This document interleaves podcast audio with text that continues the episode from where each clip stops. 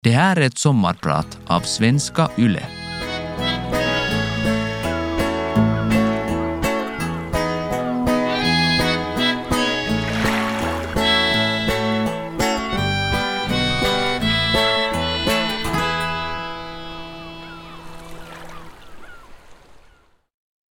Det är en supervarm och molnfri sommarkväll just efter midsommar. Jag har väntat på det här ända sedan mitt andra barn föddes. Och nu har vi hela veckoslutet framför oss. Mina pojkar och jag. Vi har lekt och grillat och simmat hela dagen. Jag har laddat upp gulliga bilder på sociala medier om hur lyckliga vi är. Äntligen på Trimis på stugan. Jag är mitt uppe i en slitsam vårdnadstvist om Lillisen. Det här är första gången han får vara hos mig i mer än en natt. Harmonin är perfekt och jag beslutar unna mig ett glas iskallt vitt vin. Nu sitter jag ensam på terrassen och njuter av havets stillhet. Pojkarna ligger och sover i dubbelsängen inne i stugan. Det är första gången de är tillsammans på landet och Ivan har gjort dem utmattade. Jag lovar mig själv att denna gång skulle det bli endast ett glas, inget mer. Men vinglasen på stugan är ganska små. Dessutom har jag ju lekt fint med pojkarna hela dagen, så jag kan säkert unna mig ett litet glas till. Två små stuglas motsvarar kanske ett normalt stort vinglas, men sen får det nog räcka. Snart är första lårvingsboxen tom och jag är väldigt berusad. Jag lyfter in en ny box i frysen. Kvällen slutar med att jag rycker upp all sprit jag kan finna i huset. Så har det gått varje gång de senaste åren. Jag heter Christer Schultz. Jag är pappa, VD, styrelseproffs, nykter alkoholist och din sommarpratare idag. Följande dag ligger jag bakfull och helt utslagen i sängen. Jag instruerar storebror hur han ska sköta om sin lillebror. Han fixar maten och lägger lillebror på dagsvila. Han kommer att berätta när lillebrors blöja är full. Det är en varm dag och stugan ligger vid vattnet, så nioåriga storebror får också se till att tvååriga lillebror har flytvästen på sig. Jag säger att de inte får leka nära stranden. Samtidigt harmar jag mig över att jag drack upp all sprit, för nu får jag ingen återställare. Borde ändå ha köpt mera vin. Händelsen har lämnat djupa spår i mig. Jag bröt mot varje princip, värde och vad jag anser vara acceptabelt beteende. Hur kunde jag? Svaret är förstås att min alkoholism hade framskridit så långt att jag redan hade tappat kontrollen. Jag närmade mig bottnen. Ironiskt nog hade jag själv upplevt likadana sommarveckoslut på samma landeställe i samma nioårsåldern, med en far som betedde sig totalt ansvarslöst. Och fast jag hade svurit att aldrig bete mig på samma sätt mot mina egna barn, så gjorde jag det ändå. Min framgångsrika far var också alkoholist. Hans drickande var någorlunda under kontroll när jag var en liten bebis, men blev värre med åren. Pappa blev nykter först i graven. Jag växte upp som tredje och sista barnet i en akademisk familj. Jag var enda pojken och ganska blyg, skygg och känslig. Jag var ett nyfiket barn som hade svårt att sitta stilla. Jag gillade skolan, konst och idrott. Jag började tävlingsidrotta före skolåldern och skrev mina första dikter i nioårsåldern. Jag spelade instrument och gick i söndagsskola. Jag var nog ett väldigt snällt och ordentligt barn. Mina föräldrar grälade ofta när jag var liten och det skildes sedan före jag började skolan. Jag kommer inte ihåg så mycket från min barndom. Som vuxen tänker jag att bristen på barndomsminnen beror på att stämningen där hemma var så tung. Det var högljudda gräl om pengar och kvitton och vem skulle få vad. Jag hade svårt att förstå varför de grälade långt in på natten. Jag fick inte sömn och började vaka. Oron och sömnbesvären har följt mig hela livet. Jag började spexa för att höja den dystra stämningen hemma. Jag minns när jag som femåring klädde på mig pappas läderrock och satte gelé i håret. Sen klämde jag in Matchbox i kassettspelaren och uppträdde för familjen. Jag dansade och sjöng och kallade mig för Esbos värsta lillpunkare. Jag ville pigga upp de andra och tog rollen som clownbarn. Min fyra år äldre syrra tog mig aktivt med i sina lekar. Tack vare henne upplevde jag aldrig ensamhet. Jag höll ihop med mina storasyrror. Jag är tacksam att jag hade en mamma som höll alltihop bäst hon kunde när vi hade det svårt. Vår relation är oerhört bra och kärleksfull. Jag kommer ihåg hur hon varma sommardagar tog oss barnen till stranden och på vintrarna skidade vi och Tanne för att dricka varm choklad från termosen hon hade packat med. Hon smorde alltid in Vitalis i mitt ansikte. Jag kan känna doften av krämen ännu idag. Mina barndomsminnen av pappa är väldigt delade. Det finns bra minnen och jag kände mig speciell och omtyckt i pappas sällskap. Av mamma fick jag alltid uppmärksamhet, men när jag fick det av farsan, då kändes det ljuvligt. Pappa var stark och omtyckt och pratade alltid så fint. Han var väldigt händig och bra på allt han gjorde. Vi hade fin bil och båt som vi åkte på Tumis. Jag fick ofta hänga med honom utan syrrorna. Det kändes speciellt. Men jag har också många dåliga minnen. Mitt första barndomsminne är när jag en gång är sjuk med hög feber. Jag är kanske tre och mamma vill ge mig febernedsänkande medicin. Pappa säger nej, men mamma lyder inte, utan ger mig medicinen ändå. Då blir pappa så arg att han lyfter upp henne mot väggen så att hon nästan stryps. Jag vågar inte ens gråta. Det var grälen och både de verbala och fysiska hoten som fick mig redan som liten pojke att bestämma att jag ska bli en bra och rättvis pappa. Trots det jag upplevde skulle jag inte kalla min far våldsam. Jag tror att min rädsla för våld, min starka vilja att skydda svagare och att vara en rättvis människa härstammar från de traumatiska händelserna i barndomen. Fel och orättvisor får mig att reagera oerhört starkt ännu idag. Efter föräldrarnas skilsmässa började jag söka min fars uppmärksamhet. Jag minns hur illa det kändes då pappa hade glömt min födelsedag, eller när han ringde och frågade varför jag inte hade hållit kontakt. Han lät ofta lite underlig i telefonen, och först mycket senare fattade jag att han var berusad när han ringde. Hans dåliga samvete över att inte hålla kontakt fick honom att beskylla en tioåring för att inte ta ansvar för relationen. Sen dess har jag kämpat med en känsla av oduglighet och velat bli accepterad. Barndomen har lämnat djupa känslosår i mig och jag har först som vuxen lärt mig att förstå och behandla mina känslor. Jag har sprungit undan alla känslor hela mitt liv. De har stannat obehandlade inne i min kropp. Jag var också stressad över hur vår familj skulle klara sig ekonomiskt. Skilsmässan ledde till att vi hade det väldigt stramt och jag började skämmas för det. Skammen återspeglas i nästan allt jag har gjort senare i livet. Jag började också dölja mina egna behov. En sommar när jag var i tioårsåldern var skorna så slitna att de hade enorma hål i botten. Jag tänkte inte berätta det för morsan, utan gick i samma skor till skolan långt in på hösten med våta och kalla fötter. Hemma gömde jag skorna så att mamma inte skulle se att de hade hål. Med samma skor sprang jag rekordtid i en långdistans springtävling i Esbo. Mina fotsulor blödde efteråt. Först när lärarna gjorde en barnskyddsanmälan täcktes jag be mamma av nya skor. Jag hade lärt mig att sätta alla andras välmående före mitt eget. Det blev en röd tråd i mitt liv och avspeglades sedan i mina vuxna relationer. Jag hade format ett klart mönster av medberoende beteende. Inget barn kan välja sina föräldrar. Skulle jag få välja på nytt skulle jag ändå inte byta ut något. Det jag är idag är en summa av det som har hänt i mitt liv. Jag är 11 år och vi är på klassresa till Tammerfors. Jag vill vara tuff och har smugglat med två flaskor Lonkero som jag har stulit av min myndiga syster. Det är första gången jag är full och det är en ljuvlig känsla. Nöjesfältet är fulla av maskiner som snurrar och det gör känslan ännu starkare. Mindre än två år senare, knappt 13 fyllda, dricker jag för första gången så mycket att jag slocknar. Sen stiger toleransen snabbt. Det gör det för oss med rusmedelsgenetik. Senare lär jag mig att det vanligaste åldern för alkoholister att smaka sprit första gången är just i tioårsåldern. Eftersom jag idrottade mycket var min kalender fylld av träningsläger och tävlingar runt om i landet under hela högstadie och gymnasietiden. Men så fort jag fick ett ledigt veckoslut fylldes det med dockande.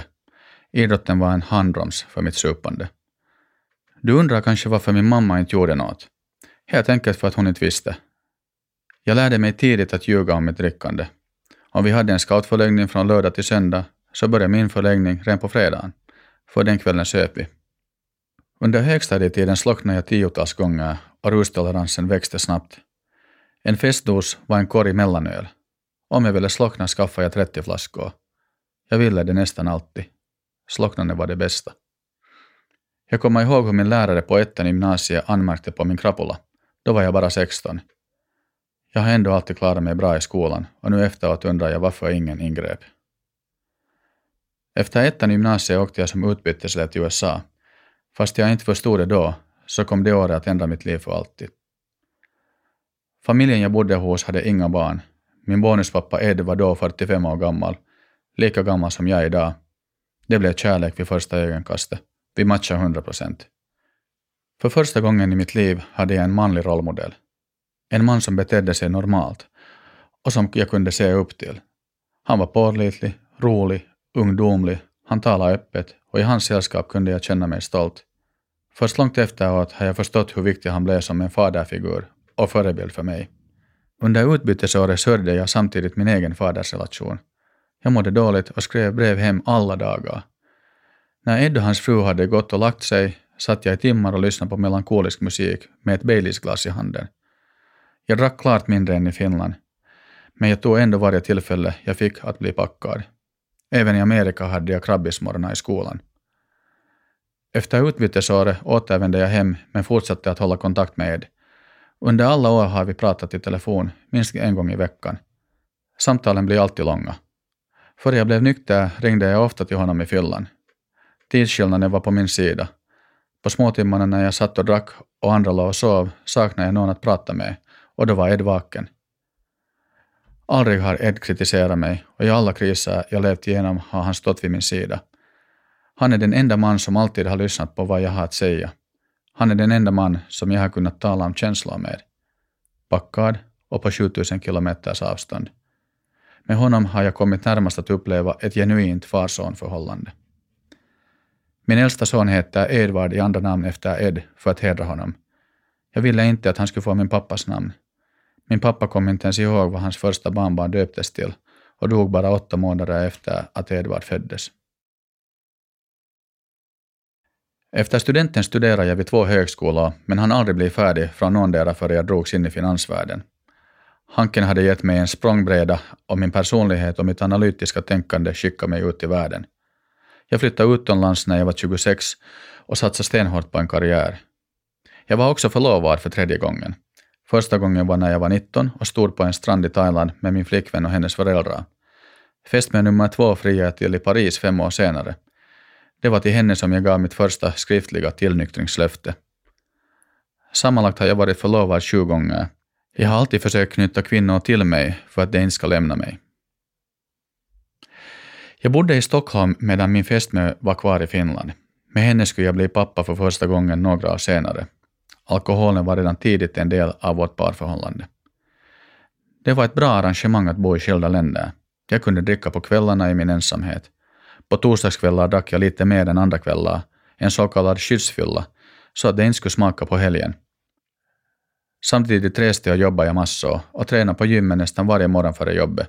Jag försökte vara en supermänniska, men brände ljuset i båda ändarna. Takten i finansvärlden var hård. Jag hade inte fyllt ännu 30, hade en chefsposition på en internationell storbank och över 300 flygresor om året och var en maskin på jobbet. Dessutom hade jag gift mig mindre än ett år efter att vi träffats. Så småningom började jag må illa av att vara ifrån min nya fru. Mina sömnproblem blev allt värre och jag blev sjukskriven. Jag fick sömnpiller och det hade blivit dags för den första stora dryckeskatastrofen. Det skulle komma fler. Efter många sömnlösa nätter beslutade jag mig för att supa mer än någonsin. Jag bara måste få sova. Jag skickar också rådiga sms till en kollega som blir orolig och ringer polisen. De kommer, bryter sig in i min lägenhet och hittar mig med en burk sömnpiller i handen. Jag förs i ilfart med ambulans till Karolinska sjukhuset.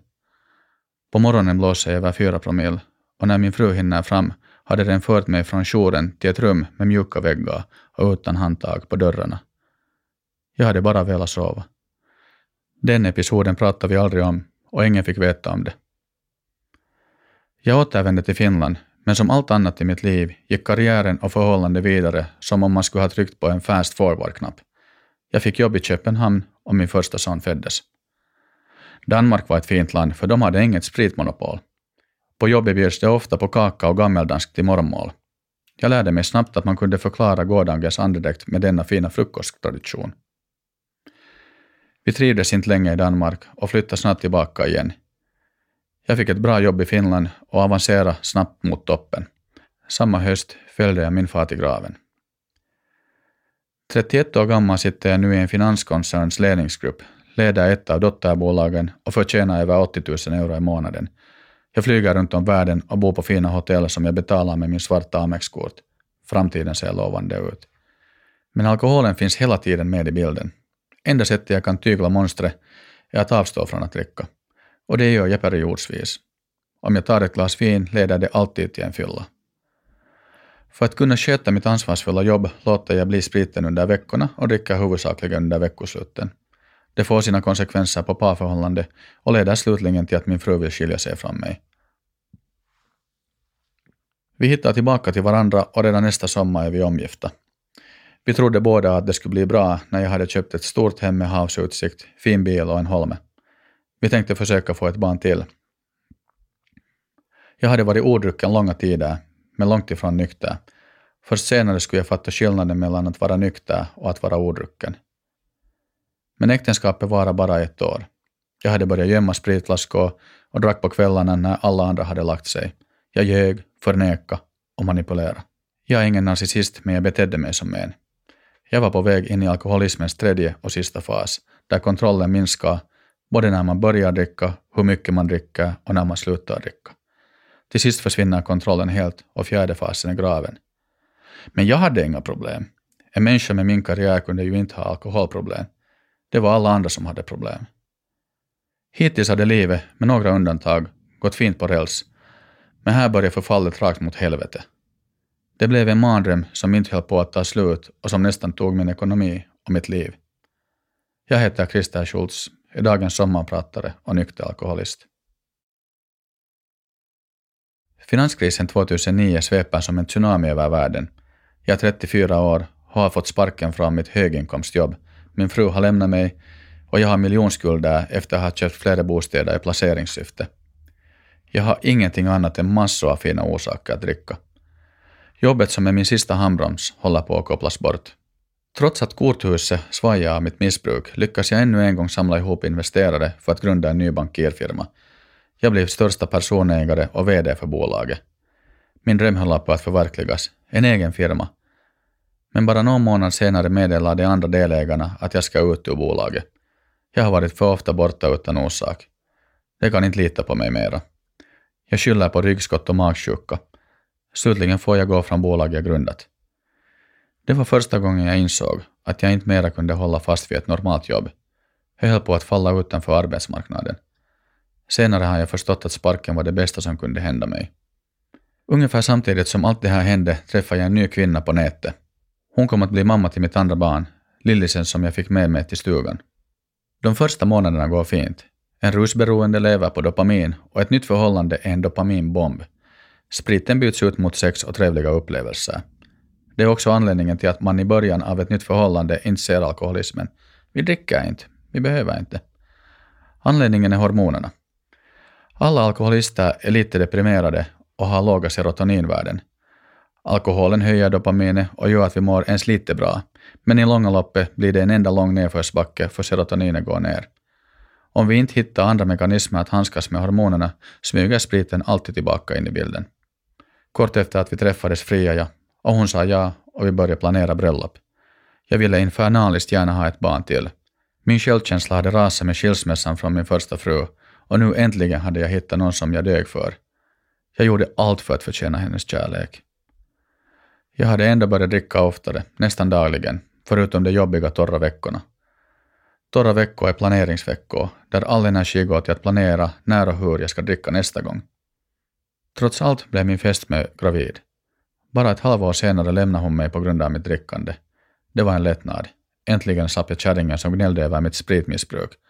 Hon som jag älskade hade blivit en demon. När det blev dags för bebisen att födas fick jag ändå vara med.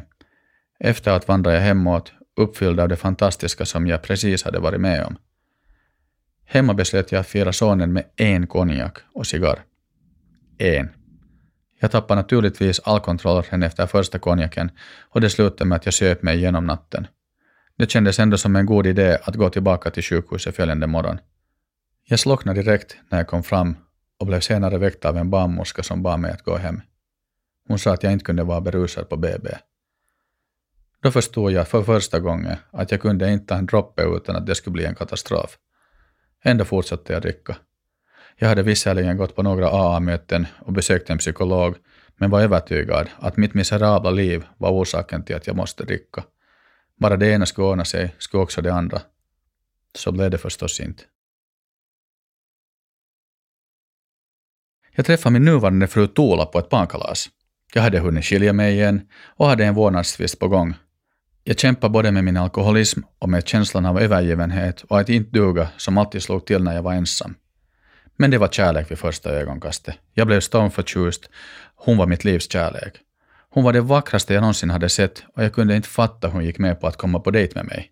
Den här gången tog det bara ett halvt år tills vi var förlovade och två veckor senare gifte vi oss i smyg. Några månader efter att vi träffats frågade Tola mig om mina ex någonsin hade sagt något om mitt drickande. Det var en hemsk fråga. Jag skyllde ifrån mig med att tala om hur vårdnadstvisten var orsaken till stressen och drickande. Samma formel upprepades. Jag var odrucken ett tag, men det tog inte länge tills alkoholen kom med in i bilden. Vi åkte på bröllopsresa till New York och två dagar av bröllopsresan satt jag på hotellet och drack sprit rakt från flaskan. Romantiskt. Tola hade två småbarn från tidigare, så nu var vi en familj med fyra barn. Vi ville ännu ha ett gemensamt barn.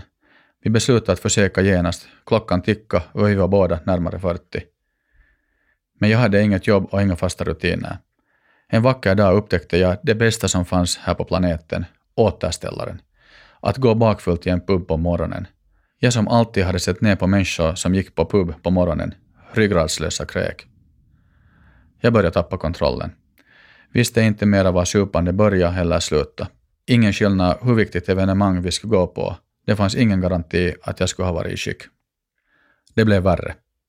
Varje gång jag drack höll jag på tills min kropp inte kunde ta emot mer alkohol. Sen sov jag två dagar och sen gottgjorde jag genom att vara en superpappa för barnen och superman för min fru. Det är inte så konstigt att det tog ett par år tills hon blev gravid.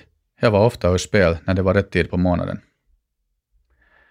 En eftermiddag visar Tuula darrande ett positivt graviditetstest. Nästa dag gör hon en ultraljudstest och vi får höra att hon är i vecka 11. Jag är överlycklig. Tuula är inte lika lycklig och senare får jag veta att hon tvekar länge mellan att hålla barnet eller avbryta graviditeten. Trycket att sluta dricka blir allt hårdare. Jag har längre pauser och vi tror att det nu äntligen har vänt. Jag går i terapi och njuter genuint av vardagen. Jag önskar att min fru kunde lita lite mera på mig. Jag är stolt över att jag var odrucken på BB när vår pojke föddes. Det blir sommar, vi är på landet och jag tänker att det går säkert bra att ta en bastuöl. Jag har ju varit duktig och haft en lång paus i drickande. Den ena ölen blir en sixpack och mitt slutliga fall. När vår pojke är fyra månader lämnar min fru äntligen oss på Tumis för första gången. Hon ska på konsert med sin väninna, 15 minuters promenadväg hemifrån. Jag svär förstås att jag inte ska dricka. Jag lägger upp en bild på Facebook där bebisen har kissat på min skjorta när vi myser i soffan. Den får hundratals gillanden. Men på riktigt är jag så torrfull och nervös att när bebisen inte äter från flaskan korkar jag upp min egen flaska och börjar skicka arga meddelanden till min fru. Hur i helvete kan hon lämna mig hemma med en bebis som borde få bröstet och inte någon satans flaska? Tuula hinner vara på konserten i mindre än en timme.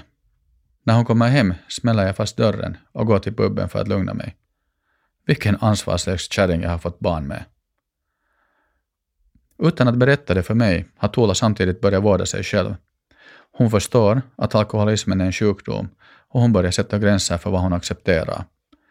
Hon tar hem kompisar mitt på dagen, trots att jag är i dåligt skick, och hon berättar för sina vänner och våra barn att jag är en alkoholist. Hon har slutat möjliggöra mitt drickande. Så en dag när jag vaknar krabbig säger hon, Christer, jag och hela vår familj älskar dig massor. Du är en härlig människa, men du har en sjukdom som får oss att må illa. Och vi kan inte fortsätta så här. Ingen väljer sina gener, men vi alla har ett ansvar att sköta våra sjukdomar. Du får välja mellan två dörrar, rehabilitering eller hemdörren. Ifall du väljer att öppna rehabiliteringens dörr så kan det hända att du kan komma tillbaka genom hemdörren. Om du inte väljer den dörren stängs också hemdörren för dig och du får träffa dina barn endast under uppsyn. Valet är ditt. Din väska är packad. Jag sitter på behandlingshemmet och oroar mig för hur Tola ska klara sig en hel månad utan mig. Det har vi skrattat många gånger. Det var den lugnaste månaden på flera år för henne. Min självbild är fullständigt förvrängd. Jag har varit här en vecka och får äntligen ringa Tola. Hon känner inte igen mig. Det har skett en enorm förändring. Jag babblar euforiskt om hur ljuvligt det är att få börja leva ett nyktert liv. En vecka tidigare hade jag haft den värsta superperioden någonsin. Jag drack tills kroppen inte klarade av en endaste droppe till och ändå försökte jag pressa ner lite till. Den första månaden bor jag på behandlingshemmet och så fortsätter jag att gå på träffar hela resten av året. För första gången får jag svar på varför jag dricker. Jag har en genetisk sjukdom som heter alkoholism. En sjukdom som är starkt ärftlig och som jag inte har valt att få. Jag är alltså inte en ryggradslös varelse utan viljestyrka, utan en människa med en sjukdom som jag behöver få hjälp med. Diagnosen befriar mig inte från skyldigheten att sköta min sjukdom. Det måste jag göra hela livet ut, men den tar bort självanklagelserna. En av de första sakerna jag inser under behandlingen är att min farsa inte var en elak narcissist, utan en alkoholist, och det var därför han betedde sig så själviskt. Äntligen kunde jag förlåta honom. Det var som en miljon kilo skulle ha fallit från mina axlar. Kanske för första gången i livet kan jag börja leva mitt eget liv. Också mina närmaste, min fru, mina systrar, vänner, mamma och styvmorsa deltog i rusvården. Deras återhämtning kunde börja när de fick en förståelse för min sjukdom. Min återhämtning skedde på två plan. Samtidigt som jag var en alkoholist och skötte det var jag också starkt medberoende. Det mönstret har jag skapat redan i barndomen. En stor del av barnen till alkoholister är medberoende och skapar beteendemönster som är skadliga. Barn tar sig olika roller för att överleva. Jag är clownbarnet som distraherar och skämtar bort det spända och svåra i familjen. Själva tillnyktringen var ganska enkel. Kanske jag hade sjunkit tillräckligt djupt.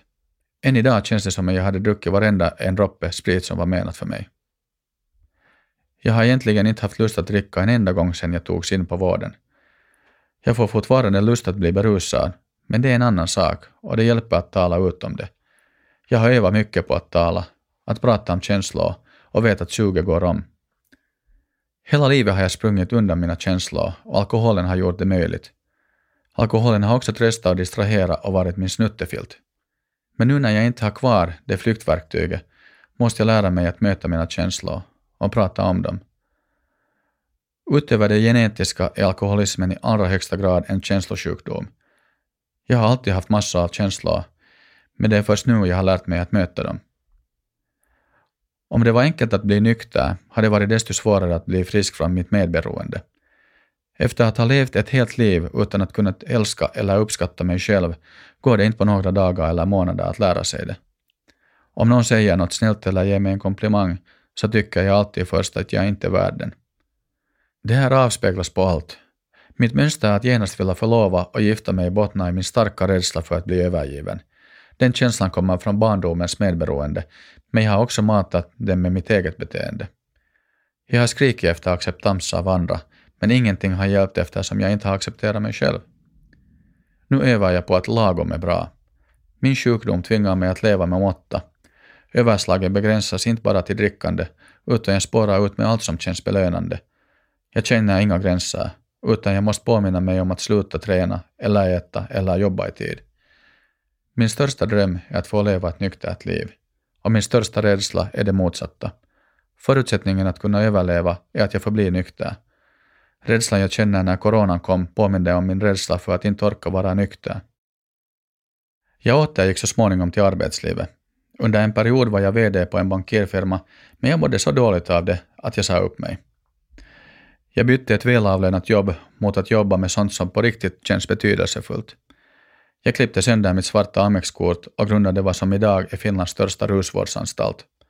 Jag är också med i styrelser för flera företag och organisationer som jobbar för människans välmående. Nu för tiden talar vi öppet om allt med våra barn.